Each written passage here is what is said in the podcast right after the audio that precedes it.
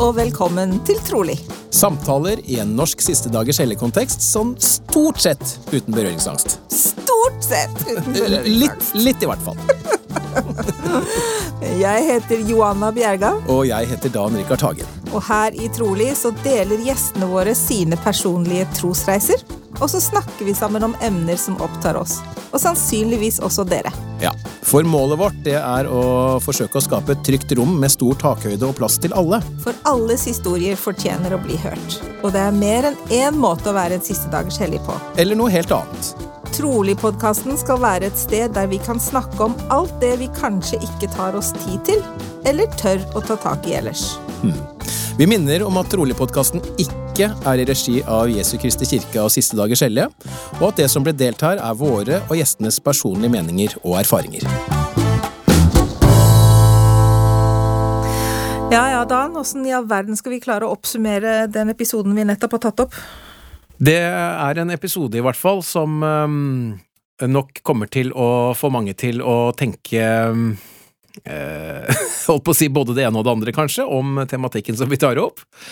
Eh, og det er jo litt av hensikten. Eller frokostjuicen i halsen? Ja, det kan det godt være. Ja. Gro var for meg et helt nytt bekjentskap. Jeg har hørt om henne, men aldri møtt henne før.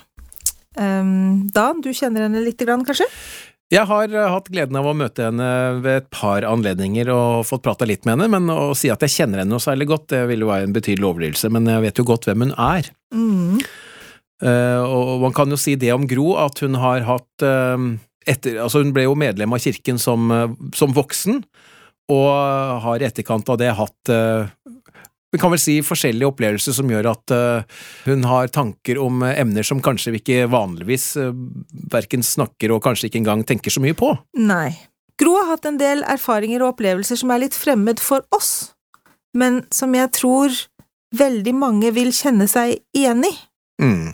Og det var nok litt av poenget hennes også, at, Ja. eh, at hun tror heller ikke at hun er den eneste som tenker og føler som hun gjør. Nei. Og nettopp det er jo litt av poenget her, at eh, det er jo ikke så veldig mye som er så ille som å, å sitte med følelser og tanker og tro at man er helt alene om det. Nei. Og som vi har sagt mange ganger før, og helt sikkert kommer til å si mange ganger igjen, hvis vi klarer å sette ord på ting, så blir ting mye mer håndterbare med en gang. Og eh, det tror jeg kanskje den episoden kan bidra til. Så hva sier du, Dan? Skal vi bare kjøre episode? Jeg sier kjør episode!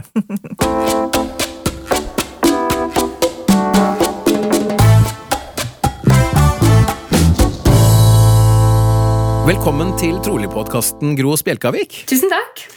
Du er jo en eh, dame som har reist litt eh, rundt omkring i denne vide verden. Fortell litt om eh, jeg håper å si, hvor du har vært og hva du har gjort.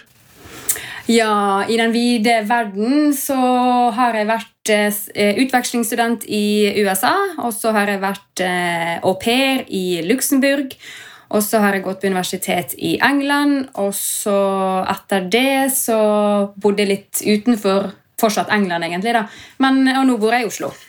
Og innimellom alt dette her så har du også fått deg en aldri så liten utdannelse som du tok i London, forstår jeg riktig? Ja, University of Brighton. Eller Brighton. Eh, det er litt lenger sør i England. Det var egentlig litt sånn skuffende vi kom dit, for da var det campus i Eastbourne, som er enda lenger sør. Eh, og der er det bare studenter eller pensjonister. Jeg fikk liksom ikke være med på denne Brighton, eh, litt sånn storbyfølelsen, da. Men, men. Ok, Og hva var det du utdanna deg til der? Du, Det var egentlig innenfor business eh, management retta mot eh, reiselivet. Jeg var jo veldig glad i som du nevnte, å reise, så jeg hadde lyst på en utdannelse innen eh, reiseliv. Det, så det ble en bachelor innenfor business management, men da innenfor turisme. da. Mm. Men nå er du i gang igjen. Nå er jeg i gang igjen. Ting endrer jo seg, og man får nye interesseområder, og livet skjer jo underveis. Ja. Eh, kan gjør jo man eh, trygt si. Det skal vi vel eh, snakke litt om. Eh, så nå er jeg i gang med en ny utdannelse som går litt mer på følelser og det, på det emosjonelle plan. Eh, så nå ønsker jeg å bli en relasjonsterapeut og snakke om følelser og hjelpe andre med sine følelser. Spennende. Jeg merker at eh, det er noe vi også skal snakke mer om. ja.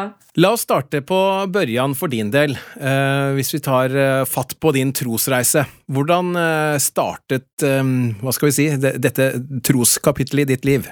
Hvordan har havna du borti oss? Ja.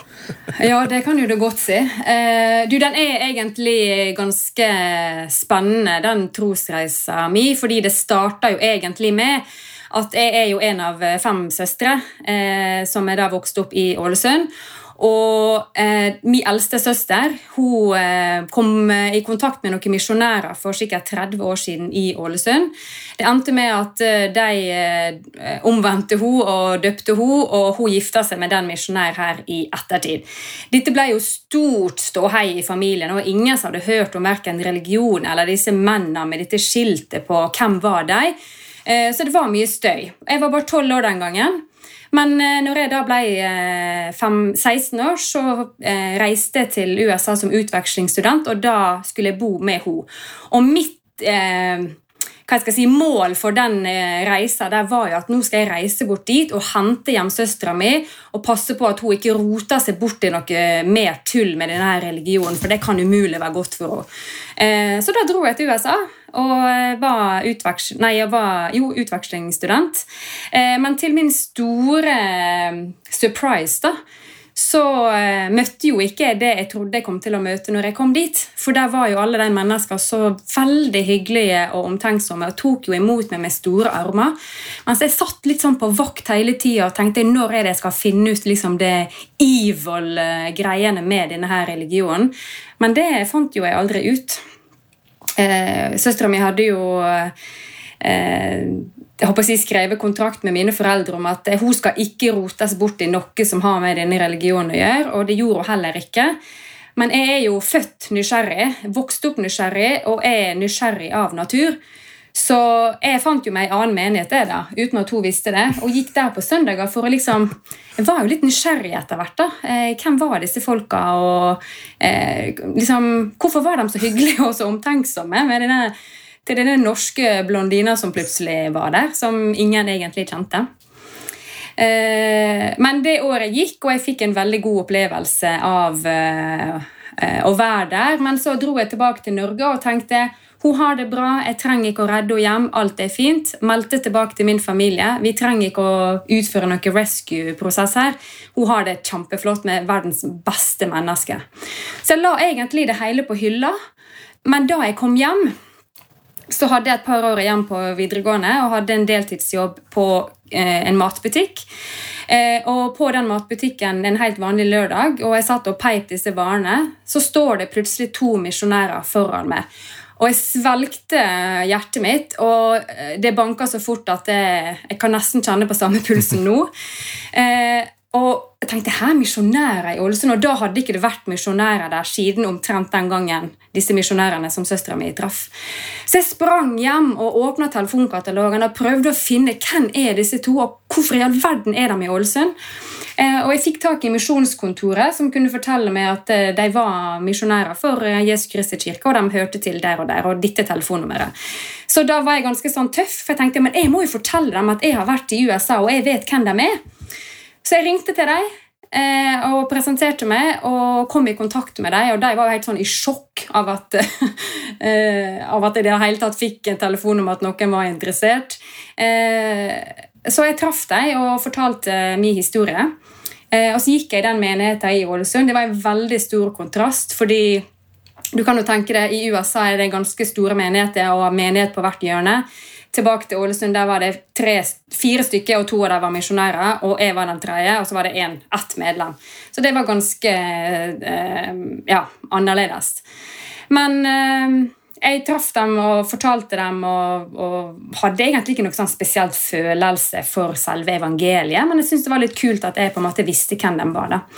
Etter hvert da, så begynte jo folk å fange opp dette her, at jeg drev og møtte disse to mennene med hvit skjorte og skilt på seg. Eh, og begynte å kalle meg for denne Jesus-jenta, og det likte jo ikke. Så etter hvert så sa jeg til dem at eh, jeg kan faktisk ikke treffe dere mer fordi det er så mye snakk om hvem dere er, og hvor dere kommer fra, og hvorfor jeg treffer dere. Så eh, det var veldig hyggelig å treffe dere, men jeg la det hele nok en gang på hylla. To år seinere så dro jeg til Luxembourg som au pair. Og når jeg hadde vært der i ca. to-tre uker, så ser jeg disse her velkledde mennene nok en gang. Og da husker jeg tilbake til USA at det var jo noe de hadde sagt om bønn, og at man kan få svar på bønn, så jeg lurer på om jeg bare skal prøve det. For det, hvorfor jeg driver og møter dem hele tida. Så jeg gikk hjem og så ba jeg om at hvis det er en mening med at jeg skal møte disse her velkledde mennene, så må du på en måte gi meg en form for eh, beskjed om det. Neste dag på butikken, der sto de, vet du. Og da tenkte jeg sånn Å nei, ikke så fort! Jeg mente ikke så fort. uh, uh, så jeg tenkte jeg lot som jeg ikke så dem, og gikk ut. Og så gikk ukene. Og så var det en kveld jeg var ute og spiste med noen venner, og da gikk misjonærene forbi restauranten vi var på. Da kjente det bare gikk kaldt nedover ryggen, hjertet begynte å banke, og jeg sa til dem jeg var sammen med, bare vent litt, jeg kommer straks tilbake. Gikk ut, la på sprang etter disse misjonærene med liksom det blonde håret vaia i vinden, og jeg løp og løp. Og så ropte 'Hei, missionary! Stop! Stop!' Og de snudde seg og tenkte eh, gal dame, men ok, vi stoppa. Og jeg var helt sånn uh, ute av pusten og fortalte dem om USA og om Ålesund og disse misjonærene. Men hvem er dere? Og de var litt sånn Aha, vi vet hva, hva du trenger, og vi vet svaret. Uh, dette var i august i 2000, og jeg møtte dem, eller jeg begynte å gå i den menigheten som de gikk i. Den var litt større enn den i Ålesund. Eh, og så ble jeg døpt i oktober samme året, i 2000. I Luxembourg, faktisk. Det stemmer. Og det var jo en litt sånn eh, Jeg gjorde jo det uten å fortelle familien og foreldre, for jeg var jo livredd for hva de ville si. Og sendte et brev i posten. Det var jo ikke mail på samme måte den gangen. så så det ble nok litt sånn styr styr og ståhei, men da var jeg så langt borte at jeg tenkte den kampen får jeg bare ta eh, på et eller annet tidspunkt. Men jeg traff jo også min eh, nåværende eksmann i den menigheten, så han var jo en stor trygghet for meg på den tida. og, og at jeg tok det valget, og at jeg var i utlandet og hadde veldig lite nettverk rundt meg. Da. Men eh, jeg skjønte jo at det frøet ble sådd i USA, og at Gud prøvde å fortelle meg noe underveis, både i Ålesund og i Luxembourg. Eh, og at jeg følte veldig sterkt eh, i, i, Luxembourg at eh, nå var tida kommet. da. Så du ble rett og slett værende i Luxembourg, du da? Ja, jeg var jo der i et års tid. Eh, jeg var jo au pair bare i et år, og den familien som jeg jobba for, var jo også veldig skeptiske, så jeg fortalte jo aldri til dem at jeg hadde døpt meg, så jeg gikk jo veldig sånn på tå hev hele det året. Men eh, når det året var omme, så var jo min arbeidskontrakt eh, ferdig, så da flytta jeg til eh, Oslo. Jeg data fortsatt den mannen her. Men jeg begynte på Universitetet i Oslo og blei da også en del av Oslo menighet i Oslo. og Ble kjent med de, liksom, den yngre som gikk der, som like, var like gamle som meg. da. Mm. Lite spørsmål. Eh, du nevnte jo her nå at eh, i historien din at det ble på en måte noen tegn da, som trigga eh, noe her. Men, men, derfra da til å faktisk ta steget, hva var det med evangeliet da, som liksom resonnerte med deg, og som fikk deg til å skjønne at dette er det jeg vil? For det er jo ikke helt nok at folk bare er hyggelige og omsorgsfulle, liksom. Det kan Nei. de jo være overalt. ja, det er sant. Um, jeg har nok aldri vært den personen som eh, trengte å, å, lese meg på en måte til et svar, eller lese mormors bok for å kjenne på om den var riktig, men jeg har hele livet alltid fulgt magefølelsen og den følelsen som jeg har inni meg om noe er rett eller galt. da. Eh, og den, det frøet som ble sådd i USA den, eh, den gangen, da, eh, var nok et ganske viktig frø. For jeg trengte nok veldig lang tid på å bearbeide alt jeg opplevde der. Og jeg gikk jo faktisk i kirka i den andre menigheten søstera mi i et helt år og bare sugde til med informasjon og syntes at dette her var sånn Everything made sense, hvis du skjønner. Alt var liksom så logisk i den undervisninga og det hele evangeliet egentlig handla om. da. Og den følelsen bar jeg nok litt med meg. Og så kom jeg hjem til Norge og Ålesund, og da ble da, da knytta jeg meg litt bort fra den følelsen, fordi det var jo ingen andre der hjemme som hadde kjent på den følelsen, eller hatt det sånn som jeg hadde hatt det. Men når jeg da kom til Luxembourg og på en måte tok tak i den følelsen og gjenkjente den følelsen som jeg hadde hatt eh, litt sånn ubevisst i USA. da. Eh, og eh, de to månedene der misjonærene underviste meg i Luxembourg, var jo veldig veldig spesielle. For da fikk jeg på en måte en bekreftelse på kanskje litt av disse småfølelsene jeg hadde hatt i USA. da. Mm. Jeg, bare, jeg, bare, brukte veldig mange år på å fordøye det hele. Mm. Det minner meg litt da om, om, om deg, når du traff misjonærene igjen, og du bare Du klarte ikke helt å sette fingeren på det, men du sa 'men dette vil jeg ha mer av'. Ja. Mm. Stemmer det. Det er jo mange som kanskje må lese både hele mormors bok og be å få et svar. Og alt dette. Og jeg ba jo og fikk et svar, men jeg trengte ikke all den si, teorien da, eh, for å ta det valget. Jeg kjente det så sterkt at dette var rett. Du hører på Trolig-podkasten, i dag med besøk av Gro Spjelkavik. Ehm, du nevnte at du traff en fyr nede i, eh, i Luxembourg som du data litt, og dette her gikk jo veien, gjorde det ikke det? Det gjorde det. Eh, etter det året som jeg flytta tilbake til Norge, så gikk jeg på universitetet i et år. Og så flytta jeg tilbake til han, for han var jo i Luxembourg, og jeg hadde jo bestemt meg for at eh, jeg skal følge magefølelsen her også det er han skal være med, og jeg må tilbake. Mine foreldre var litt sånn mm, Kanskje utdannelse hadde vært viktig. Bare, nei, nei, nei, det kan vi ta seinere. Dette går veien. Så jeg flytta tilbake og bodde hos eh, broren hans i kjelleren på ei madrass. Jobba i en barnehage for å lære meg tysk og fransk eh, i et års tid, og data han her, da. Ja. Eh, jeg syns egentlig livet var supert. Det var, var, lite å forholde seg til, og jeg var forelska og levde på luft og kjærlighet, tror jeg. og det funker jo en viss tid, og det endte jo med at dere faktisk ble gift. Ja, det endte med at uh, vi ble gift. Det året, når det året var omme, så hadde mine foreldre på nakken som sa Grå, du må ta en utdannelse. Du kan ikke leve bare på luft og kjærlighet. Så jeg har jo alltid hatt veldig respekt for min far, så jeg tenkte jeg må kanskje det, ja. Så jeg sa til han at eh, jeg må søke skole, og søkte diverse skoler i Nederland og England. Jeg kom inn på den eh, i University of Brighton og sa til han enten så kan du bli med, eller så får vi finne ut hva vi gjør. Så jeg dro. Ja, Og hva skjedde da? Eh, jeg begynte på skole, eller jeg begynte på det universitetet, og han hadde jo en jobb i Luxembourg og et liv der. Så det som skjedde, var jo at han fridde faktisk dagen før jeg skulle dra. Eh, og så begynte han å søke jobb i London, eh, og fikk jo jobb i London etter hvert. vi gifta oss etter jeg hadde gått på skole i ett år, eller halvannet år. Og da pendla jeg på en måte i helgene til Luxembourg, for han bodde jo fortsatt der. Og når jeg skrev min bacheloroppgave, så fikk han jobb i London. Eh, vi fikk en leilighet i London, og jeg ble gravid. Så det var veldig mye som skjedde det siste året når jeg var ferdig. da. Mm. Og da kom Alexander? Da kom Alexander, vet du. Ja. ja. Mm. Så nå er 15 år gammel? Ja. Han fylte 15 i desember, så det er jo tenåring eh, på høyt nivå. Herlig tid. Men det kjenner jo dere til. det kjenner vi til, både jeg og Johanna. På godt og vondt. ja. ja. Så hvor lenge ble du i London? Um, det som var, var jo at uh, jeg ble jo gravid når jeg skrev min dissertation, eller min hovedoppgave. Da hadde han fått seg jobb uh, i uh, London, og vi bosatte oss i Reading, som er da utenfor London. En kort togtur til London. så da ble vi boende der. Det var et liksom sjokk for meg at jeg ble gravid så fort. Og det var jo en ganske sånn ny situasjon. Vi hadde jo ikke bodd sammen før. og plutselig så var jeg ferdig på universitetet, nyutdanna. og Eh, vi skulle bo sammen, og jeg var gravid.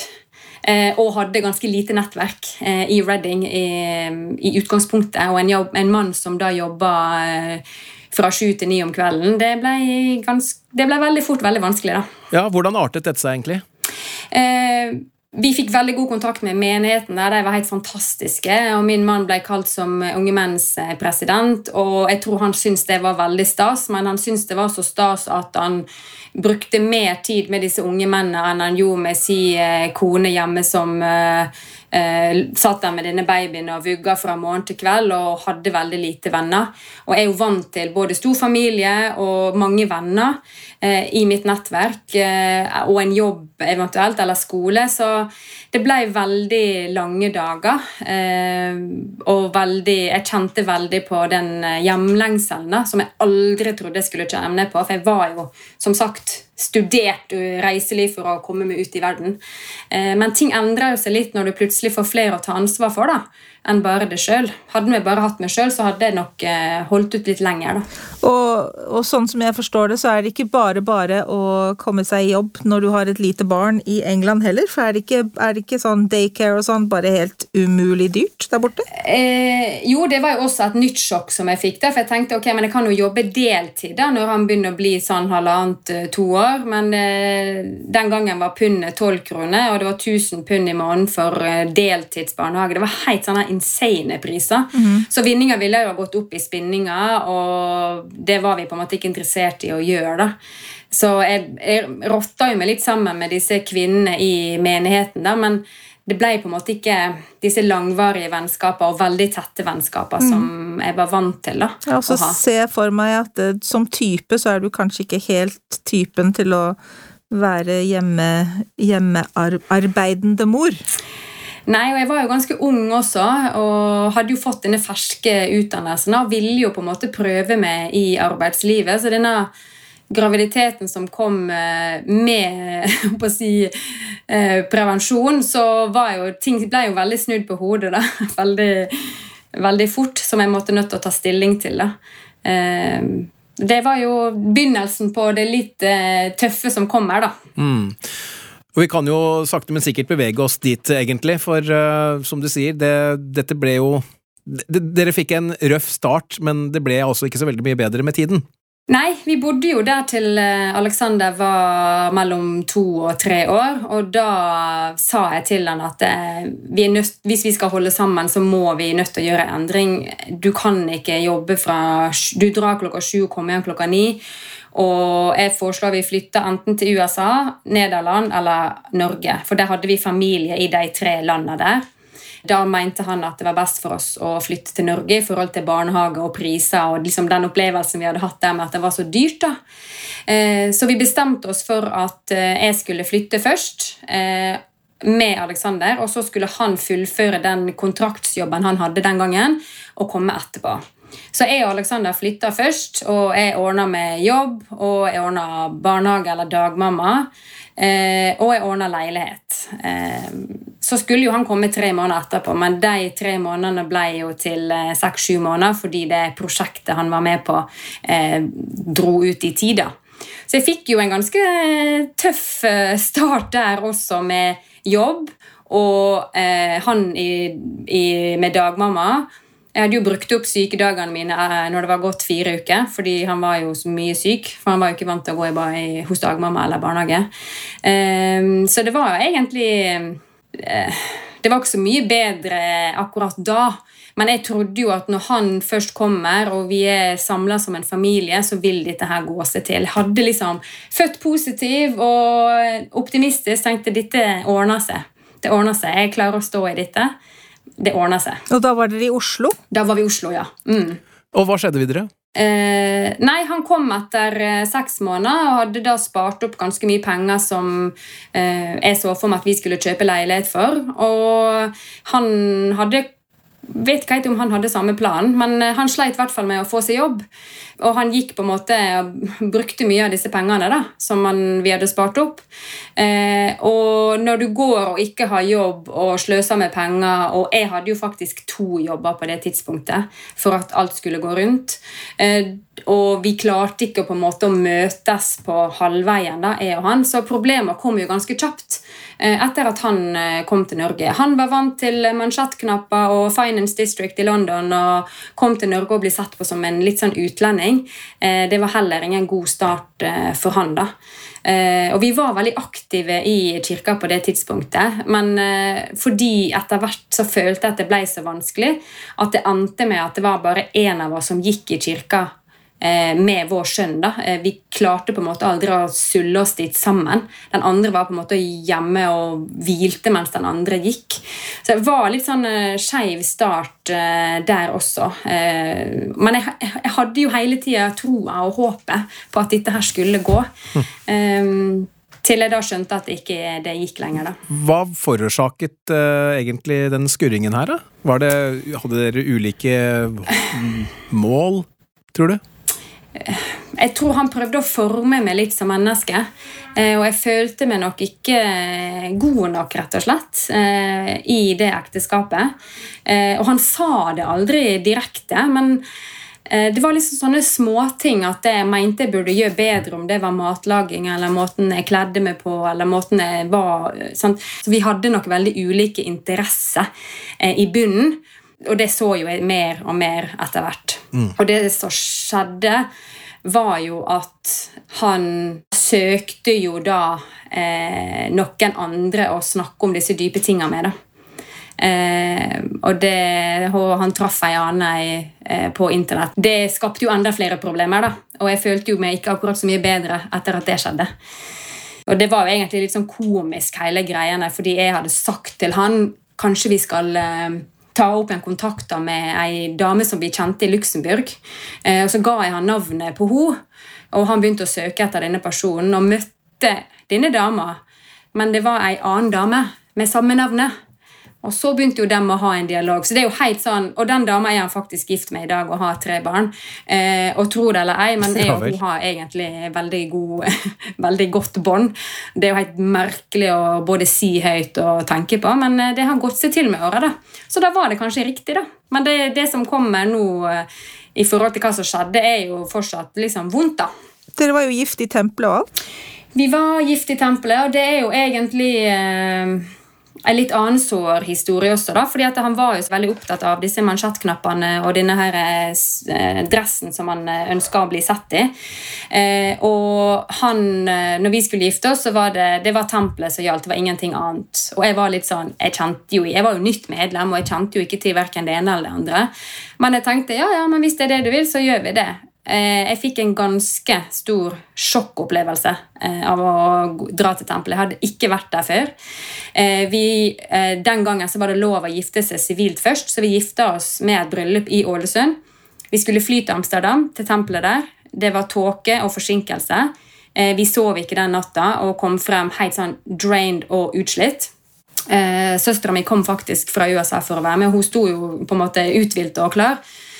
Jeg hadde ikke fått beskjed om noe forberedende tempellekse eller klasse eller ingenting. Så den uh, opplevelsen var ganske røff, for å være helt ærlig.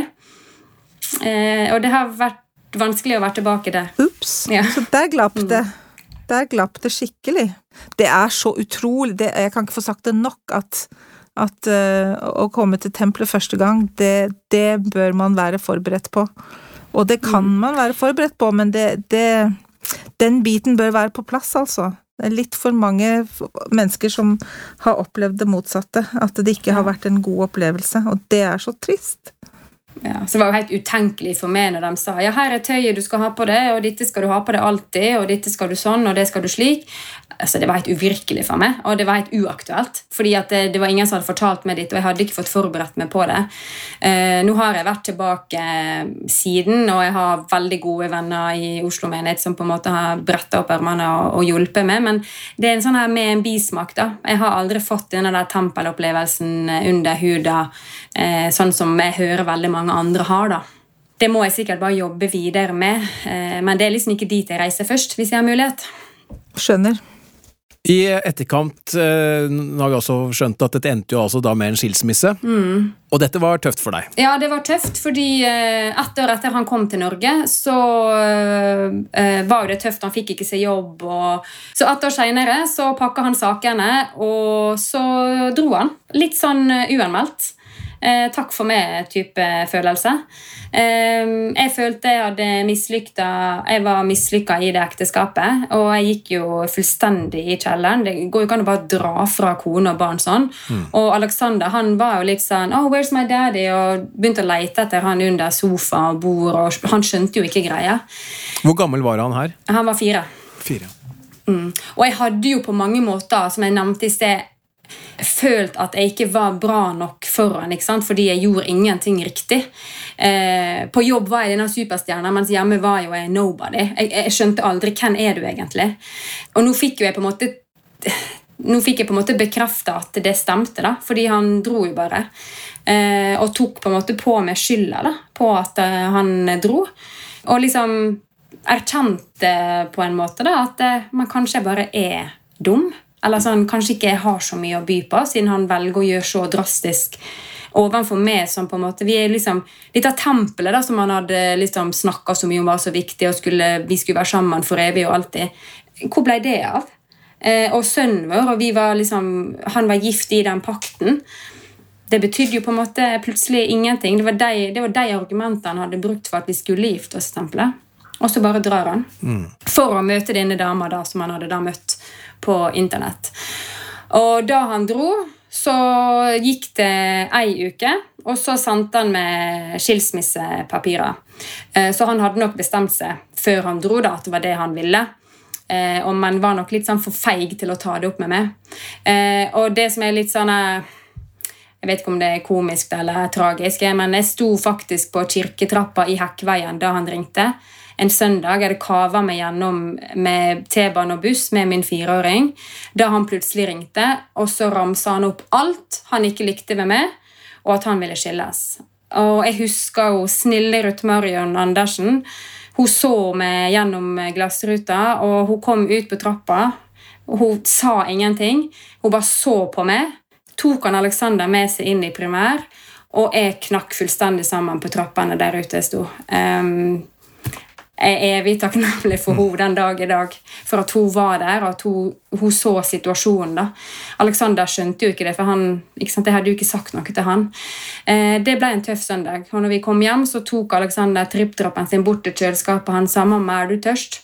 Så han skjønte jo at jeg ikke var helt uh, i vater. Men, uh, så han ville skilles, og fikk fortalt nok en gang alle de manglene som jeg hadde. Jeg hadde jo allerede begynt å tro på at jeg ikke var helt eh, liksom, jeg, hadde, jeg, var ikke i mine fulle fem. da. Siden han, Vi hadde jo vært gift i noen år og vært sammen ganske lenge. Så på én måte så var jo ikke det noe overraskelse, alt det han klarte å lire ut av seg. Og jeg har jo tenkt i ettertid at han kan umulig ha hatt det bra med seg sjøl ved å si at alt han mente jeg hadde, det var beauty and look. Um, I dag vet jeg at det ikke stemmer. Det visste jeg ikke den gangen. Så du tok det rett og slett innover deg? Det kan du trygt si. Eh, han kom aldri tilbake, og skilsmissen var et faktum. Mm.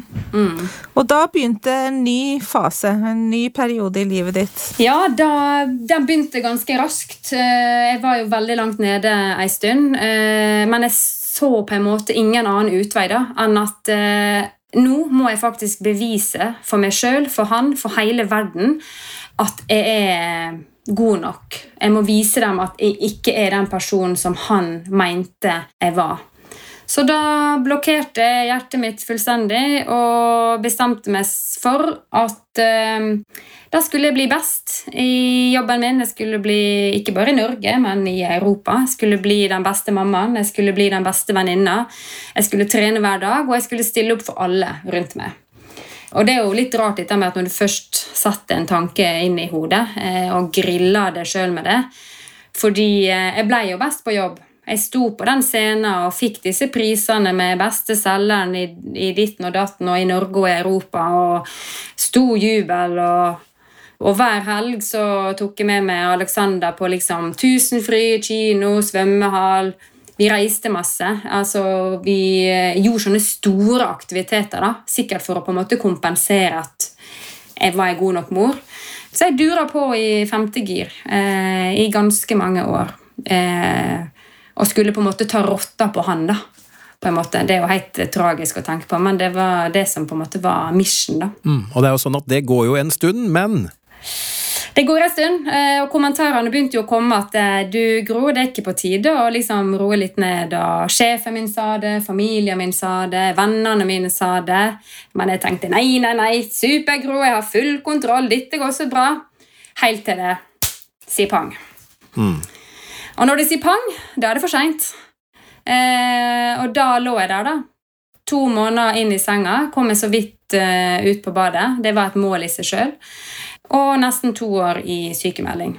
Det du sier at du flata rett ut, du? Altså, det var, det var 15. mai 2018, eh, og jeg hadde strøket bunadsskjorta og hengt opp bunaden. og liksom, jeg, jeg, var jo veldig sliten, jeg hadde jo selvfølgelig kjent på det, men jeg var jo jeg overså veldig mye følelser og hadde jo blokkert hele følelsesapparatet inne med. Eh, så når da 15. mai kom og jeg klarte ikke å komme meg ut av senga, så tenkte jeg sånn hva skjer nå? Dette har ikke jeg tid til. Altså, hallo, kropp, kom igjen. Men eh, det og gikk til, altså, Jeg kom jo ikke med til legen med det samme, men når jeg først kom med dit, så sa jeg du, det er ingenting som feiler deg. Du har brent lys i begge ender. Det er ingenting annet å gjøre enn å bare slette alt i kalenderen og begynne på nytt. Rett og slett. Så eh, det var ganske så tøft, kan man si. Mm. Mm. Hvor lang tid tok det før du på en måte aksepterte at nå måtte du bare skru av? Eh, det tok ikke så lang tid akkurat da, fordi da lå jeg der og eh, Jeg skjønte liksom ikke hva jeg på en måte liksom jeg skjønte jo hva som hadde skjedd, men eh, ikke at, skulle, ikke at, læringskurva skulle bli så bratt. da. Og Skjønte du at det ville ta så lang tid som det faktisk tok? Eller tenkte Nei. du ja ja, ok, en måned eller to så er jeg på plass igjen, liksom? Ja ja ei uke eller to. En uke eller to, ja. Tenkte jeg, Dette går fort. Jeg har jo mye på agendaen. ikke sant? Jeg har jo masse som skal skje. Men uh, den gang ei. Hva, hvordan, eh, hva skjedde videre egentlig her? Du ble sengeliggende i hvor lang tid? og...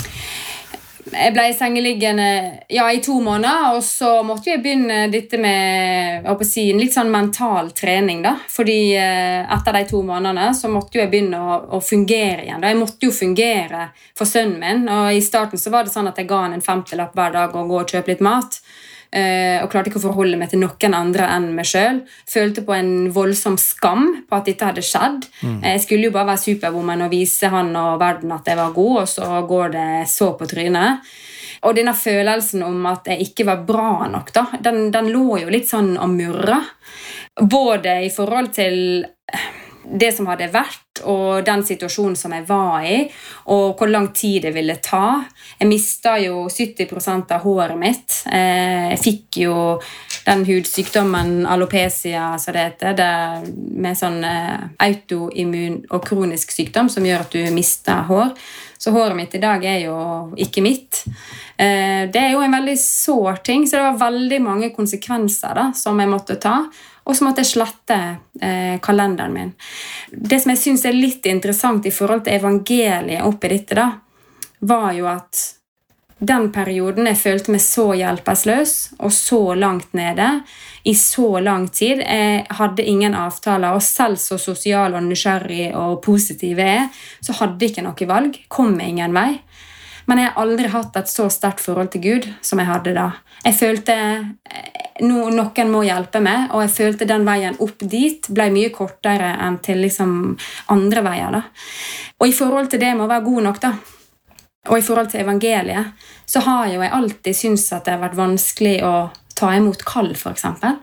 Uh, og det har jeg alltid syntes både liksom, i perioden der eksmannen min var her, og i ettertid. Fordi du ikke føler deg god nok? er det det du mener? Ja, om, ja og det, det, har jeg egentlig tenkt på litt nå i det siste og reflektert mer uh, på det. Fordi mye av årsaken til det er jo at jeg føler at jeg ikke kan eller at jeg er god nok. Mm. Eh, og jeg syns det er superhyggelig hvis folk spør om jeg vil holde tale både i menigheter og stavskonferanse. Ingen problem.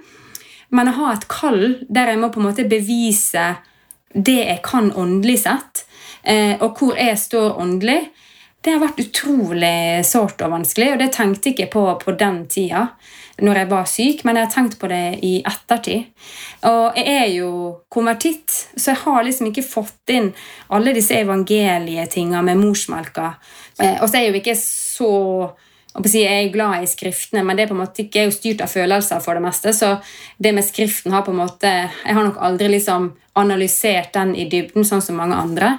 Så det med å skulle undervise søndagsskole eller unge kvinner, det, det er liksom Jeg føler det har vært en sånn jeg håper å si, eh, tau rundt halsen min for å gjøre det. Det har vært veldig vanskelig. Eh, både fordi jeg er veldig følelsesstyrt og følger magefølelsen.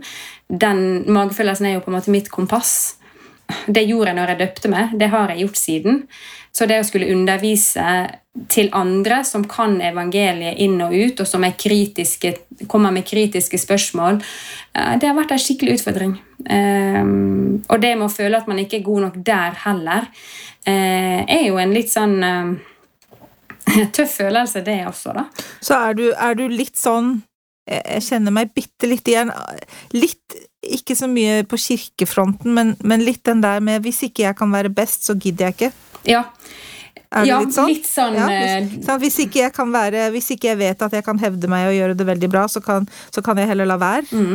Eh, og det er jo det som er greia, at jeg legger jo lista mye høyere enn andre ville ha lagt lista for meg. Sånn at det er jo på en måte Problemet da er jo egentlig en sjøl. Det er jo ingen andre som sitter og forventer at du skal levere på liksom øverste hylle om du underviser, eller om du eh, holder en tale, eller om Det gjelder jo både på jobb og på hjemmet og i evangeliet. Eh, men det er samme lista hele veien, da, og den har nok jeg fått litt sånn inngravd etter den skilsmissen og de opplevelsene jeg hadde i det ekteskapet som definitivt ikke var bra for meg. Mm. Men jeg vil litt tilbake til du nevnte at uh, i prosessen her sånn så følte du et nærmere forhold til Gud enn det du kanskje har gjort tidligere. Mm. Fortell litt mer om det. Jeg følte på en måte at det, det med bønn og det med svar på bønn, og det med at han var der for meg og svarte disse, håper si, svarte på mine spørsmål, da, at jeg ikke følte meg alene, eh, det var veldig veldig sterkt for meg. For jeg har alltid trodd at jeg må på en måte være superskrudd på. Jeg må gå i kirka på søndager, jeg må være der alle tre timene. Jeg må være liksom veldig sånn til stede eh, i både nadverdsmøte og søndagsskole og hjelpeforening, og jeg må ha lest lekser, og jeg må liksom være veldig på for i det hele tatt få noe ut av det og få på en måte den kontakten med Gud. da. Så jeg ble så overraska disse første gangene når jeg liksom følte på dette her. da. Eh, At jeg kan faktisk snakke til Gud uten at det er noen andre rundt meg. Og det forholdet som jeg har til Han, det er helt personlig. Det er mitt forhold til Gud. Det kan være godt og det kan være dårlig, men det er jo det jeg som styrer. Han er jo der alltid. Det er jo det som er så bra. Så sitter jeg med en sånn tanke om at eh, Så får du bare korrigere meg om det ikke var nøyaktig slik du opplevde det, men at du kanskje opplevde at her er det faktisk et menneske du ikke trenger å bevise noe overfor. Ja, Eller menneske, sier jeg, men altså overfor Gud så trengte du ikke å bevise noe. Det er helt riktig. Det er eh, jeg håper å si, eh, som om jeg skulle ha sagt det sjøl. Jeg trengte ikke å bevise. Jeg, var jo, jeg hadde jo ingenting å bevise akkurat da heller, for jeg var jo virkelig nede for telling. Og eh, det at jeg følte at han var der, og at den kontakta med han var ekte, det har jo betydd mye, eller det betydde mye for meg da. Og har på en måte satt mitt forhold til Gud litt sånn eh, i perspektiv til alt det andre jeg har følt når det gjelder evangeliet, og det vanskelige jeg syns om evangeliet. da. Ja, Og at du ikke er bra nok.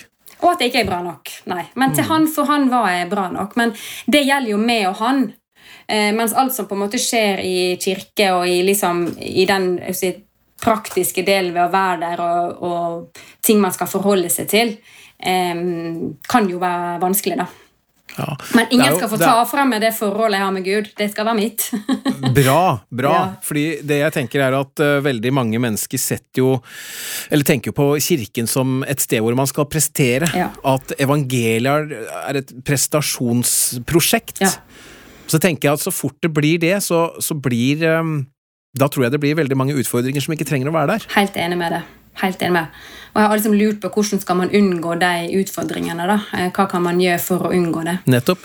Ja. Hva, hva slags tanker har du om det nå i ettertid? Ehm, altså, Jeg valgte jo å bli medlem av en ganske sånn eh, eh, familiesentrert kirke, og det syns jo jeg var helt supert. For jeg hadde jo gifta meg i tempelet og hadde jo ett barn og hadde jo håpet om å få flere barn. Men så selv om liksom, Det var jo et trøblete ekteskap, men jeg hadde likevel den tosomheten, hvis du skjønner. Jeg hadde tilgang til den samtalene med han om ting som jeg syntes var utfordrende, eller ting jeg kanskje ikke forsto. Jeg hadde også tilgang til noe som jeg liksom også har brent for, både det med nærhet, intimitet, seksualitet, som også er en del av å være i et ekteskap. Da man er gift, så kan det hende at man tar dette her litt sånn for gitt. Eh, og hvis man ikke ikke har vært i den singelbobla, om det er singel kvinne, mann, skilt eller hva det nå enn er. Jeg tror ikke det spiller så mye rolle. Men da forsvinner jo fort den nærheten man på en måte enten har hatt som gift, eller som man aldri har kjent på fordi man aldri har vært gift. Eh, og det jeg har tenkt eh, når det gjelder akkurat det, da, i forhold til både nærhet og intimitet, som på mange måter er veldig viktig for mennesket generelt. Eh, de fleste har behov for en form for anerkjennelse på det planet eh, som man har når man er gift, og man tenker ikke så mye over det. Eh, men jeg har tenkt veldig mye på det når jeg mista det. og det ble helt tomt. Og ja, psykologer og de som jobber med det mentale, de har jo selvfølgelig Vi har jo selvfølgelig snakka om det med å på en måte bli alene, men det med mental helse innenfor evangeliet, det føler jeg ikke er til stede, da. Det var ingen som spurte meg i ettertid av kirkeledere eller andre ledere om hvordan jeg egentlig hadde det på innsida. da. Etter en ganske tøff eh, skilsmisse og, og, det jeg hadde gått gjennom. Og alle visste jo at jeg hadde gått gjennom det, fordi vi var jo aktive i kirka. Eh, men det var ingen i kirka utenom de liksom, jentevennene og guttevennene for så vidt eh, som jeg har der, som spurte om hvordan har du det egentlig på innsida. Så jeg har vel egentlig ønska med en mer åpenhet da, rundt det med Det høres jo feil ut, for det, det, høres jo liksom Det med nærhet og seksualitet og det, det, er på en måte ikke nødvendigvis det det handler om, men helheten her, da, om å bli sett som menneske og de følelsene man sitter i etter en sånn situasjon. Og så skjønner jeg veldig godt at hvis man ikke har vært i en sånn situasjon, så er det også vanskelig å sette seg inn i det. Så jeg tenker på disse autoritære lederne våre i kirka som gifta seg når de var 17 15 og er fortsatt gift. De har neppe kjent på den eh, liksom, eh, ensomheten eller eh, det at de ikke har tilgang til den nærheten eller den klemmen eller det å bli sett. da. Eh, så det skulle jeg gjerne ønske var et eget tema. Det er jo et veldig stort tema i unge kvinner og unge menn, og, og det med kyskhetsloven og visdomsordet og alt det, og alt du på en måte må forholde deg til. Men det er ingen som forteller deg noen ting når du blir skilt. Da er du på en måte tilbake som om du var ei ung kvinne. Og da har du i tillegg opplevd det, ikke sant? Nemlig. Mm, nemlig. Mm. Det, det syns jeg er veldig vanskelig, og det gjør nok at jeg holder fast på det forholdet som jeg har til Gud. Eh, personlig sett. Og så må jeg, jeg si, jobbe med disse tankene her, da, fordi det, jeg trekker meg nok litt bort av det, eh, og fordi jeg vil på en måte ikke ha det rett Eh, i fleisen eh, og forholder meg mer til utviklinga av mitt eget forhold til Gud. Hvis det made sense. Ja, absolutt, og det er jo tross alt det viktigste, tenker jeg. Ja. Og jeg, og jeg tenker sånn, jeg har stor respekt for visdomsordet og kyskhetsloven og tenker den er bra for eh, oss alle. Men når du plutselig blir den single kvinna og tilbake som ei ung kvinne det jeg, jeg, prøver å tygge litt på den, og jeg lurer jo ofte litt på om at jeg er den eneste som eh, har det sånn. Finnes det andre single der ute som kan kjenne på de samme type følelsene som det jeg gjør? Kan vel si det sånn at en ting som vi har opplevd, Johanna, ved å starte denne podkasten og snakke med forskjellige mennesker og få tilbakemeldinger fra lyttere, er jo at det er ingenting så langt vi har snakket om hvor noen skal behøve å føle seg alene, i hvert fall. Jeg tror dere er uh, mange. Ja. Det er veldig sårbart uh, Det er veldig sårbart tema. Uh, og jeg har jo tenkt at det kan nappe gjelde bare meg. Og selv om jeg har følelser utapå kroppen si, som menneske. Jeg er veldig glad i den nærheten og, og kjenner at jeg skulle gjerne hatt det. Så har jeg tenkt at kanskje noen er skrudd sammen på en litt annen måte og ikke kjenner på det behovet. Og så er det nok flere som er skrudd sammen som det er, og kjenner på det. Eh, og Det er jo litt det si, den nye utdannelsen min også handler om. Ta tak i disse indre følelsene. Si dem opp, få dem opp og ut. Eh, gjør dem til nytte, på en måte. For da tror jeg man vil føle seg mye bedre som menneske. Og eh, man kan føle også at å ja, men jeg er faktisk ikke den eneste mm. som har det sånn. Blir det lettere å forholde seg til, rett og slett? Ja, Hvis jeg vet at vi er flere, så, så, er jo det absolutt lettere å forholde seg til det. Eh, så har jeg også tenkt på dette om ja, men hva om jeg blir singel resten av livet? Eh, vil jeg aldri på en måte da få den nærheten og intimiteten som Eh, jeg kjenner at jeg har behov for. Eh, det er jo en tanke som jeg syns er vanskelig å fordøye litt. Eh, litt skummelt å si den høyt også, for den kan jo tolkes på veldig mange måter. Men det handler jo på en måte ikke om sånn bare nærheten eller bare intimiteten eller bare sex, f.eks. Men det handler om en helhet da, som man, som man kjenner på et savn på. da. Har du følt på noe press for å gifte deg på ny? Uh, nei, det har jeg ikke gjort. Men uh, jeg har jo kjent på uh, Vil jeg kunne klare å stå i et ekteskap eh, Det er jo derfor jeg jobber så mye med meg sjøl ved siden av for å si, til, til vanlig, fordi jeg vil gjerne føle meg så bra i meg sjøl at jeg er ei verdig kvinne til å bli til å, til å, altså Ei attraktiv kvinne som noen hadde hatt lyst til å gifte seg med. da, Som vil være riktig for meg. Eh, også det med at det må den mannen være et medlem, er jo også en, eh, et spørsmål. Ja, jeg har jo en, eh, en god venninne som konverterte som voksen. Hun var mm. jeg tror hun var 38 da hun ble medlem av kirken, og da var hun skilt med to barn. Og mm. da sto hun opp og bar vitnesbyrdet sitt, og så sa hun jeg, har, jeg er ingeniør, så jeg har, gjort, jeg har regna på dette her, og har, ved å bli medlem av kirken har jeg nå redusert sjansene mine betraktelig for å, for å bli gift. Mm. Um, for det første, jeg nærmer meg 40, jeg har to tenåringer. Um, og nå er jeg på toppen av det hele medlem av Jesu Kristi Kirkas siste dagers hellige i Norge. Uh, mm. Det vil ta 8000 år før jeg er gift. ja. det, to, det, tok faktisk ikke så lang tid. Men, men vi er jo alle forskjellige. Ja. Um, og det er jo ikke til å komme vekk ifra at det er jo ikke akkurat så veldig mye å velge mellom, da, på, i Norge? Nei, også For min del er jo det, for jeg er jo veldig sånn følsom og styrt av følelser. Og veldig glad i den nærheten. og Jeg sa det til noen andre medlemmer, liksom, og de var litt sånn Du må for all del ikke si at det handler om at det er sex. liksom. Så sa Det handler ikke om sex, det handler om helheten. Eh, der sex er en del av det, selvfølgelig, men det er jo måten man formulerer det på. da. Men det er jo liksom det med å, å eh, hvor lenge skal man vente i, til at en kirkemann eh, skiller seg, da, i forhold til at det finnes gode menn utenfor?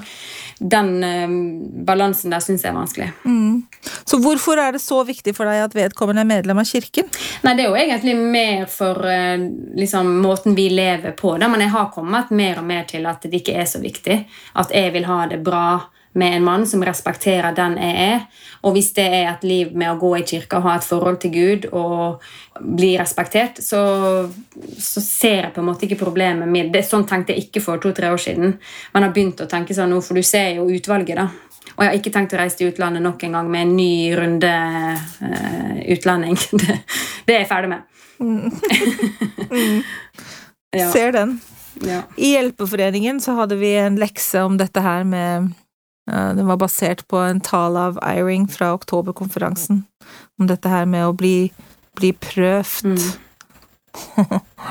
og liksom det var mye kommentar rundt dette her med at vi må være tålmodige, og vi må holde ut til enden, and just, not just endure, but endure well. Så satt jeg og kjente lite grann på den der følelsen av at det, Ok, hva, hva betyr egentlig det? Er det at vi må på en måte se på jordelivet som en At vi må ha et evig perspektiv og se på jordelivet som en så bitte liten del av evigheten at vi bare eh, skal klare å legge alle de der jordiske mm. emosjonene, ja. mm. ønskene, følelsene litt, litt vekk, og, og, bare stole på Herrens timeplan, mm. som det heter så fint. Og er det, er det, egentlig mulig? Kan man egentlig forvente det av, av noen som mm. helst? Jeg vet ikke helt. Umiddelbart så tenker jo jeg at vi mennesker er jo har jo flere sider ved oss, og jeg tror ikke egentlig at det er meningen at um, Jeg tror ikke vi er skapt slik for at vi skal fullstendig neglisjere noen sider ved oss til fordel for en annen side. Nei. Jeg tror det er en helhet hvor det må være en balanse. Mm. Og da snakker, jeg ikke, da snakker jeg ikke i forhold til å, hvilke bud man skal holde eller ikke, men jeg snakker i forhold til hva vi trenger for å kunne egentlig i det hele tatt fungere. Ja. Og i forhold til det med det uttrykket om å holde ut til enden, for mitt vedkommende så betyr det ikke gi slipp. Det betyr ikke prester bedre, prester bedre, det betyr ikke gi slipp. Mm, men ikke gi slipp på hva? På det du vet er sant. Ikke gi slipp, ja, eller sånn som Gro sier, da, ikke sant, at hennes forhold til Gud har blitt vel, hennes personlige forhold til Gud har blitt en veldig mye viktigere brikke mm. i, den, i den helheten. Ja, det er jo det jeg tenker på mitt forhold til Kristus, på en måte, og er jo mye sterkere enn forholdet til eh, Buda. Eh, jeg klarer ikke helt å forholde meg til eh, visdomsorda. Jo, jeg holder jo det, men jeg, jeg, har ikke det jeg har ikke samme forholdet til visdomsorda og kyskhetsloven som jeg har til Gud. da. Så jeg klarer liksom ikke helt å få et vitnesbyrd om hvordan jeg skal leve, og jeg syns det er ganske skummelt sånn i lengden. Da kommer jo også disse tankene er du god nok tilbake. Og jeg er jo god nok for Gud, men jeg er god nok til å holde disse budene. Eh, så da blir det på en måte litt sånn vond sirkel når jeg må begynne å tenke på hva som er godt, eller hvordan jeg er god nok. da. Eh, og jeg håper jo på mange måter at jeg ikke er alene om sånne type tanker. da. For fordi at det er litt sånn, Mange av disse buda føles jo litt som at du får på en måte tredd dem litt nedover hodet. Og så er det ingen som alltid forklarer hvorfor du skal eh, nødvendigvis holde deg. da. Og i mitt tilfelle så Det er jo så mange ulike tilfeller der ute. Og i mitt tilfelle, med den historien som jeg har, har jo mine eh, jeg håper å si, eh, årsaker til at jeg ikke eh, jeg syns det er vanskelig, da. Men nå er jo jeg føler at jeg våger å touche borti det, i håp om at andre kanskje kan føle på samme måten.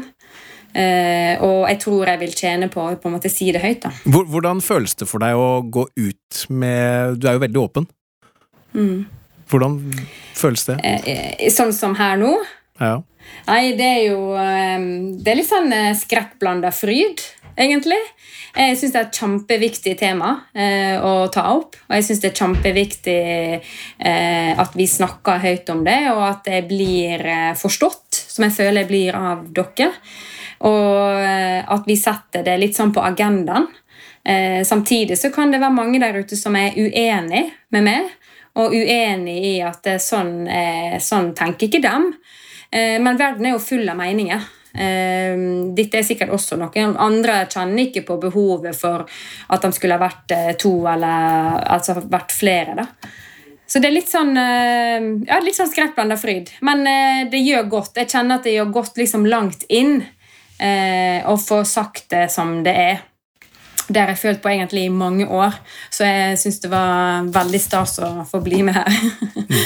Og for mitt vedkommende så må jeg jo si at du trekker jo frem et emne som jeg ikke har tenkt på. Ja, nettopp fordi du er gift. Og jeg ja, ja, ikke sant? Og, og, det er jo sånn med veldig mange emner, og det er det som jeg syns for min del har vært så veldig bra for meg i podkasten, for jeg har blitt fått høre andre ting også i tidligere episoder som er ting som jeg mm. ikke har tenkt på. Og det er som du sier, nei, for jeg, er ikke, jeg har ikke blitt utsatt for det, eller har ikke opplevd det. Mm. Så det er så veldig fint også at dere da som, i dette tilfellet du som da har denne opplevelsen, sier det, sånn at vi andre også kan være oppmerksom på at dette er faktisk det er faktisk noe som mm. oppleves mm. vanskelig for deg, og som ja, ja, ja, du trenger å snakke med noen om, eller hva det måtte være. da. Og så er det noe med å sette ord på det. da, fordi jeg kan ikke forvente at du skal sitte med samme følelsene, eller at det er liksom andre, at de skal sitte med samme følelsen. Fordi de har aldri kjent det på kroppen, og det er derfor jeg brenner jeg brenner i å få følelser i utgangspunktet. Det er jo den veien jeg går uh, utdanningsmessig òg. Men jeg brenner også for at vi må si det som det er. Jeg vil ikke at vi skal drive og legge lokk på ting for at vi skal mm. framstå som om at det, vi, vi si, er så Ikke perfekte, for det er det ingen som er, men at vi gjør som vi skal, og at disse vanskelige tingene ikke blir satt uh, ord på. da det, jeg ønsker å kjempe for liksom, single kvinner og single menn og liksom skilt, det som er skilt. Fordi jeg er en av de som på en måte har kjent dette veldig på kroppen. Eh, og hvis jeg kan hjelpe andre, inkludert meg sjøl, så er jo det vinn-vinn.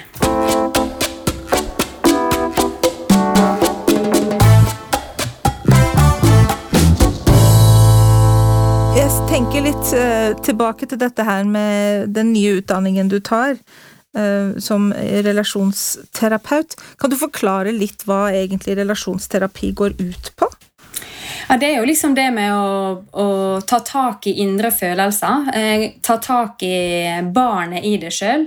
Eh, vi jobber veldig mye med å gå tilbake til den du var som barn. Eh, man jobber med å liksom, eh, gjøre en healing av sår man måtte ha fått opp gjennom eh, barndommen, ungdomstida, i sitt voksne liv, for å få det bedre med seg sjøl. Eh, og de sier jo at det er et barn utvikler veldig mange av disse følelsene om hvordan de har det fra de er ett til eh, seks år. Eh, og opplevelser hjemme. og Hvis man, hvis man vokser opp i et eh, alkoholisert hjem, for eksempel, så er jo det følelser som setter seg i kroppen veldig veldig tidlig.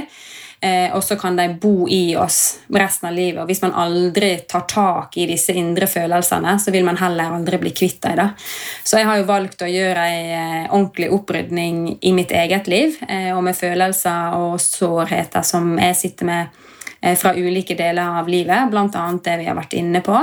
Eh, og når jeg på en måte har gjort det eh, såpass lenge og er så i takt med meg sjøl, så vil jeg da etter hvert kunne utvikle med som en terapeut og kunne hjelpe andre om å gjøre det samme. Så jeg har jo en, eh, et hjelpegen, og denne omsorgsrolla som jeg alltid føler jeg har hatt, den bor jo veldig sterkt i meg. Og det er jo litt årsaken til at jeg ønsker å dele eh, mine ting eh, hos dere også. fordi hvis dette kan være følelser og tanker som andre sitter med der ute, så kanskje vi kan snakke sammen. da. Kanskje vi kan eh, dele erfaringer og føle at eh, man blir sett. da. Mm. Det vet jo ikke om det finnes, men jeg gir dem i hvert fall muligheten. Mm. Ja, mm. det skjønner jeg veldig godt. Uh, på hvilken måte vil du si at evangeliet har hjulpet deg oppi alt sammen? Evangeliet har liksom vært uh, en grunnmur på mange måter. Og den har vært kanskje ikke En grunnmur er jo ganske stabil og solid. Eh, den har kanskje vært litt sånn rollercoaster for min del, men det er en slags trygghet og en sannhet i evangeliet som jeg har hatt med meg siden jeg løp etter disse misjonærene den gangen. Jeg har ikke vært like aktiv i kirka eh, og kan godt eh, skulke flere søndager da jeg har dette her personlige forholdet til Gud som jeg føler er, like viktig. Men jeg vet på en måte at jeg kan alltid vende tilbake dit. Man er alltid velkommen i, inn i evangeliet med den grunnmuren som på en måte ligger til bunns. da. Eh, og så er jo jeg ganske sta.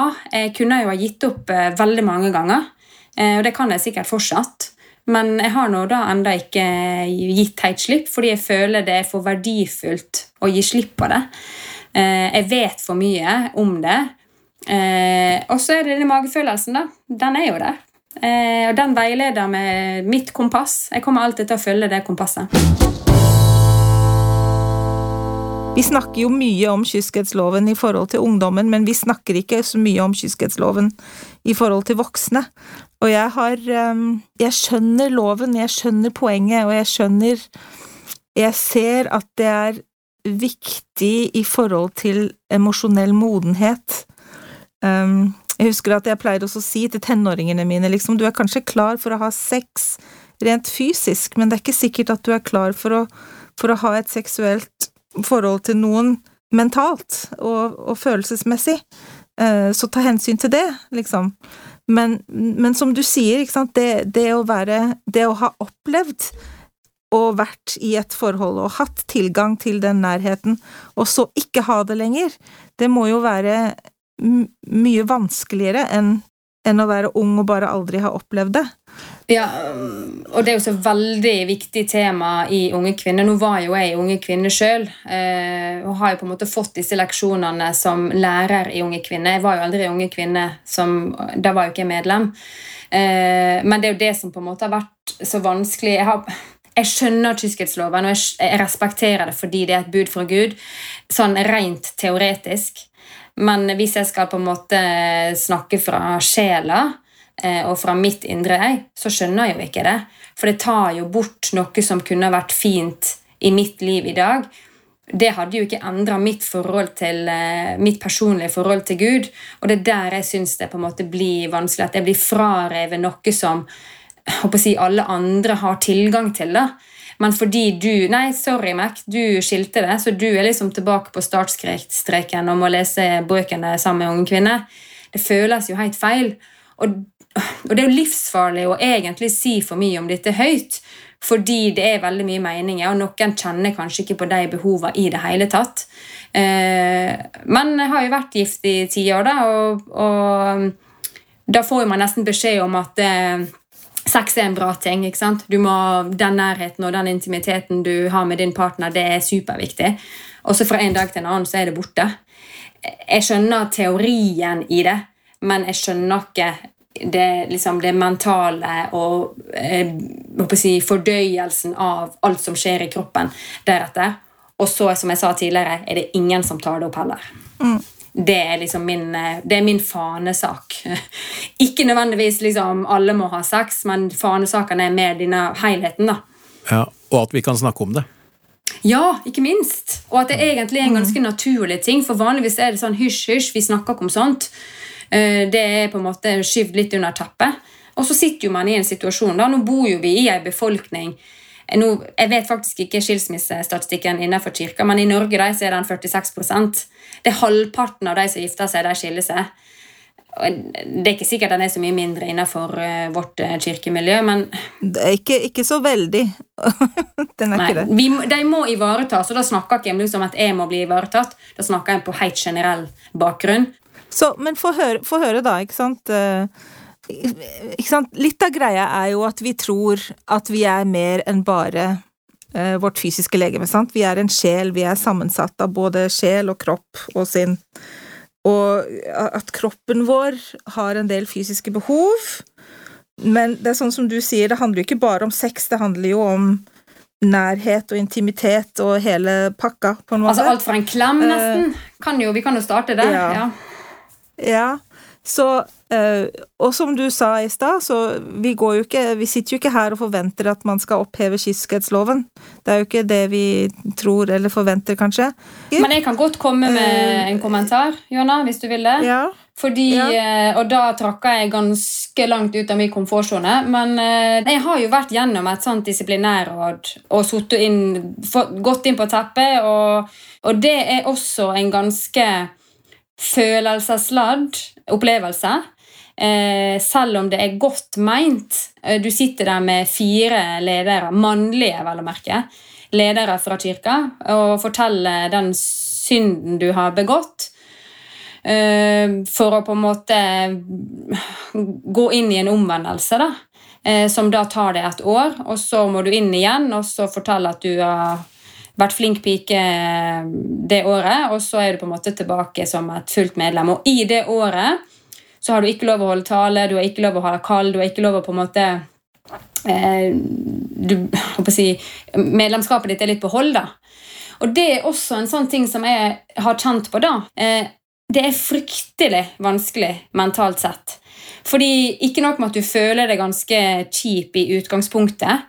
Du har tatt eh, steget ved å gå dit, som er superbra. De er super liksom, flinke med måten det blir gjort på.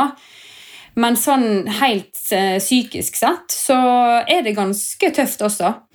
Eh, fordi eh, biskopen og hans rådgivere og en sekretær som sitter der, da, de vil jo ditt beste. De vil jo at du skal ha et eh, sterkest mulig forhold til Gud. Eh, jeg har jo hatt mitt forhold til Gud uavhengig av om jeg har brutt kyskhetsloven eller ei. Så jeg har på en måte aldri følt på dette med at det, når, du, når du nå har omvendt det, så får du et sterk, liksom, da kommer du nærmere Gud. Den har jeg aldri følt på. Jeg har bare følt at jeg har blitt kvitt en dårlig samvittighet eh, ved å omvende meg, og fordi det er liksom en del av gamet. da. Litt usikker på om, eh, om, om jeg hadde klart det igjen. ja. Ja. Jeg, vet at, eh, og dette har vi snakket bitte lite grann om, at de har jo endret ordlyden på det. Det heter jo ikke disiplinærråd lenger. Det heter medlemskapsråd. Altså Membership Council istedenfor Disciplinary Council. Mm. Fordi man ønsker å fjerne noe av den ja, straff eh, Mm. Ikke sant? Eh, rammen rundt det, da. Ikke sant? At det handler Ja. mer om ditt Om det handler mer om, om ens eh, medlemskap. Mm. Men eh, hvis vi være Hvis vi skulle vært konstruktive, da. Ikke sant? Altså, hva Hva kunne vært annerledes? Hva kunne vært gjort annerledes i tillegg til det? Fordi rammene rundt ellers er jo, er jo ganske like. Ja, Det er et veldig godt spørsmål. og altså, der, Kystkraftloven er jo der av en grunn. Uh, så jeg har jo på en måte ikke noe mer tilgang til nærhet uansett hvordan jeg snur og vender på det. Eh, men det er vel mer alt det følelsesladdet rundt det. da. Eh, hvordan det, man blir ivaretatt og forstått. Og, eh, og så har jeg på en måte bare trøsta meg litt med at nei, men jeg har vært gift, og derfor så er det sånn. på en måte. Men en åpenhet da, nok en gang rundt det eh, hadde jo også vært fint. Og dette er jo veldig private greier å være åpen om. Det er jo ikke sikkert alle tør å være så åpen som det kanskje er. da. Nå får vi vite i etterkant om det har lønt seg eller ei. Eller om kommentarene bare hagler inn. Eh, det får nå vi se. Det er, det er vanskelig det, det, det er litt tricky, det der. Jeg ser, ikke sant, som, eh, som foreldre med unge voksne barn, så har vi jo måttet la skanse etter skanse falle, ikke sant? Altså Og, og, og jeg, jeg, jeg har prøvd å tenke slik at Gud er akkurat like glad i, i meg, og akkurat like glad i, i oss alle, uansett hva vi gjør eller ikke gjør, ikke sant? Hans kjærlighet, den er der uansett. Mm, Eh, mm. Den, er, den er stabil. Så eh, hva handler egentlig kyskhetsloven om, da? Ikke sant? Når du sier, Gro, at du føler ikke at det, eh, om du har brutt kyskhetsloven eller ei, det har fjernet deg eller ødelagt noe i forholdet ditt til Gud, og det har du jo helt rett i. Du kan likevel ha et godt personlig forhold til, til Gud og Jesus Mm. uansett hva du har gjort eller ikke gjort. Eh, Pluss at frelseren, forløsningen og forsoningen, den gjelder jo Ikke sant? Den ha, han har jo på en måte allerede tatt seg av alle, alt vi gjør som er galt. Mm. Er du med? Ja, jeg tror nok han visste, han visste nok det på forhånd at dette kom til å skje, så hadde han aldri laga den forsoninga. Nei, og han, så han og hans Så, så den, den delen der er på en måte ok. Så hva er det, da? Handler det om å beskytte kirken eh, som organisasjon? Handler det om omvendelsesprosess, uansett hva det er, og vi kan, det er jo masse ting å omvende seg for hver dag. Eh, Det er jo igjen dette med vårt personlige forhold til Gud. Eh, så, så, hva, hva, Mm. hva, er, hva er det egentlig det er, da? Ikke sant? Altså Jeg syns vel kanskje den omvendelse, eller den si, straffa, eller hva man nå skal kalle det, da, er litt eh, for vulgær. da. Det er liksom Du må vise at du har omvendt deg i et år før du liksom får komme inn igjen i varmen. Eh, det er veldig lenge å gå sånn. Eh, jeg har ikke hørt om noen andre kirkesamfunn som har det som oss. Eh, så jeg har liksom aldri skjønt og heller ikke satt meg inn i det, hvorfor den si, loven er så streng. da. Til tross for at jeg skjønner at Gud ønsker at vi skal behandle kroppene våre som et tempel, at vi skal være eh, liksom rene eh, før vi kommer til Han. Eh, og at vi skal forholde oss til den ene partneren eh, vi har eh, bestemt oss for å være gift med. da. Enten gift liksom utenfor tempelet eller i tempelet. Og Det er sikkert mange som kunne ha sagt mye mer om kyskhetsloven enn det er. For jeg har jo et litt sånn ambivalent forhold til det. da. På bakgrunn av min egen historie. Så jeg, jeg tror på en måte ikke jeg blir så klok på det. Nei. Jeg ser du ser veldig ettertenksom ut, Dan. Har du noen dype tanker å komme med på tampen? Nei, altså jeg, jeg, jeg hører jo hva du sier, og jeg skjønner at det er vanskelig. Uh, men jeg er liksom ikke Jeg er liksom ikke der, og jeg sier ikke nødvendigvis at dere er det heller, at man tenker at derfor så må man gjøre noe med, med, med loven sånn som den er. Uh, ikke at jeg der sitter her og føler at jeg har svaret på akkurat hvorfor det er sånn, men eh, jeg tror man jeg tror man egentlig bare må akseptere at sånn er Men det. Men samtidig akseptere at dette er veldig vondt og vanskelig for mange. Jeg tenker at det må være lov å spørre hva Gud egentlig mener, og hva han egentlig forventer av oss. Ja. Og så tenker jeg at kanskje Kanskje nei, kanskje ikke at selve loven må endres, men kanskje hvordan man håndterer brudd på den, da. Ja. Ikke sant? Ja. Vi steiner jo ikke folk lenger. Sant? Nei, heldigvis. Da hadde jeg vært død for deg. sant? Men altså, det, ikke sant? før så øh, Jesus sier jo, ikke sant, den som gifter seg med en skilt kvinne, bedriver hor. Mm. Men vi tar jo ikke det bokstavelig lenger heller. Nei, nei. Sant? Nei. Vi lar folk få lov til å gifte seg på ny. Ja. Det er nok av folk som er gift på ny etter å ha vært skilt i kirken. Ja, ja, ja. ja, ja. Eh, Så, så jeg tenker ok, så der har vi gjort en justering. Vi anser ikke ekteskap nummer to som, som ho lenger. Mm. I forhold til det um, med disiplinærråd, eller hva kalte du det, medlemsråd, er det det det heter nå? Mm, Medlemskapsråd, jeg vet ikke hva. De har jo ikke oversatt håndboken til norsk enda, men på Nei. engelsk så heter det Membership Council. Ja. Som andre ord, man ønsker altså å gå bort fra, som du nevnte tidligere, eh, følelsen av at uh, nå skal du inn for å straffes, egentlig. Mm. Og det er litt det jeg også tenker. Jeg har selv sittet i et biskopsråd og fått uh, vært med på et uh, disiplinærråd. Jeg har selv vært uh, uaktiv, og på min vei tilbake så måtte jeg også gjennom faktisk flere disiplinærråd, så jeg vet veldig godt hva du snakker om. Mm. Men så sitter jeg og tenker at det er mulig at min opplevelse er annerledes på grunn av at jeg er mann og sitter med andre menn. Så jeg kan jo ikke sånn sett helt relatere selvfølgelig til din opplevelse. Mm. Men, men, jeg kan kanskje nevne at min opplevelse, i hvert fall fra de disiplinærrådene som gjaldt meg, var veldig eh, positivt for meg, da. Fordi det sparka meg litt i baken i forhold til at eh, det var sånn Dan Rikard, nå må du ta et valg. Mm. Ikke sant? Hva er det du vil? Er det dette du vil, eller er det dette du vil? Mm. Eh, så for meg så vil jeg nesten si at det var helt nødvendig å gå gjennom et disiplinærråd og få Kall det den dommen som jeg fikk. Um, for det, det, gjorde jeg. Um, det, for meg også var det da et år jeg vet ikke om jeg hadde vært der jeg er i dag uten. Så Jeg også opplevde jo det veldig positivt. Mm, det vil jo ditt beste. og det er jo som du sier, Man må jo ta et valg, og jeg tok jo et valg.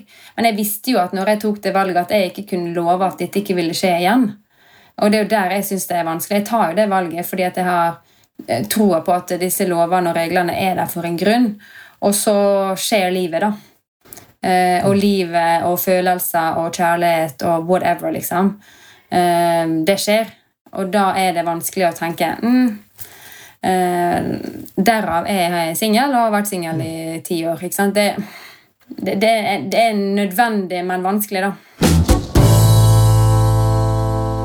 Nå har vi jo snakket i det vide og det brede om eh, et emne som vi faktisk forstår er vanskelig og komplisert, og som vi egentlig trenger å snakke mer høyt om.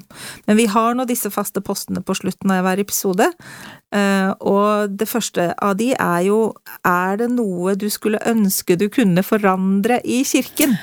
Jeg tror kanskje ikke mitt svar eh, blir så veldig overraskende når det kommer til det spørsmålet. Eh, jeg skulle vel, selv om jeg forstår det med kyskhetsloven og visdomsordet, så skulle jeg vel ønske at den omvendelsen ikke var så eh, intens og lang, da. At det var mer forståelse rundt eh, at det er tøft. Og det er det sikkert, men eh, hvis, siden du spør, så er det nok eh, akkurat det. Med kyskhetsloven. Og det siste spørsmålet er hva syns du er det aller, aller beste med evangeliet? Du, det må være fellesskapet. Eh, og også den tryggheten på eh, den troa som jeg har. Eh, men også Jeg snakka jo innledningsvis litt om vanskeligheter med tempelet, men jeg har jo likevel ei tro på at jeg kan treffe mine besteforeldre og mine forfedre på den andre sida eh, den dagen jeg drar dit. Eh, jeg har troa på at livet fortsetter på andre sida. Eh, på et vis, eh, uten at jeg vet hvordan. Det er jo en trygghet å, å vite det, da. At eh, Eller vi vet jo ikke, vi tror jo på et liv etter døden, og at det er et godt liv. Så mm, det er vel kanskje det aller beste med helheten. Også det fellesskapet man skaper sammen. Takk, Gro. Det har vært en, en fornøyelse. Og òg litt sånn øyeåpnende, for det er som du sier, vi sitter i hver vår eh, lille boble og har veldig ulike livssituasjoner og livserfaringer, og vi trenger å høre hverandres historier for å skape mer forståelse og respekt og, og fellesskap. Mm. Tusen takk for at jeg fikk lov å dele min historie sammen med dere og belyse de temaene som jeg syns eh, jeg brenner for, og som jeg syns er viktig.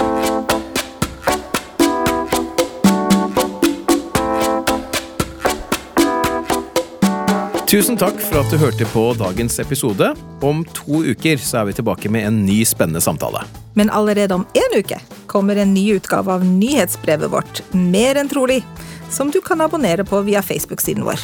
Glem heller ikke at du kan følge oss på både Instagram og Twitter, og at vi gjerne tar imot forslag til f.eks. For gjester og emner på e-post. Da kan du skrive til troligpodkast, med k altså, troligpodkast at gmail.com. Og hvis du liker det du hører, så blir vi ekstra glad for skriftlige vurderinger, særlig i Apple Podcast-appen. For slike vurderinger gjør nemlig at flere kan oppdage Trolig-podkasten. Da høres vi igjen om to uker.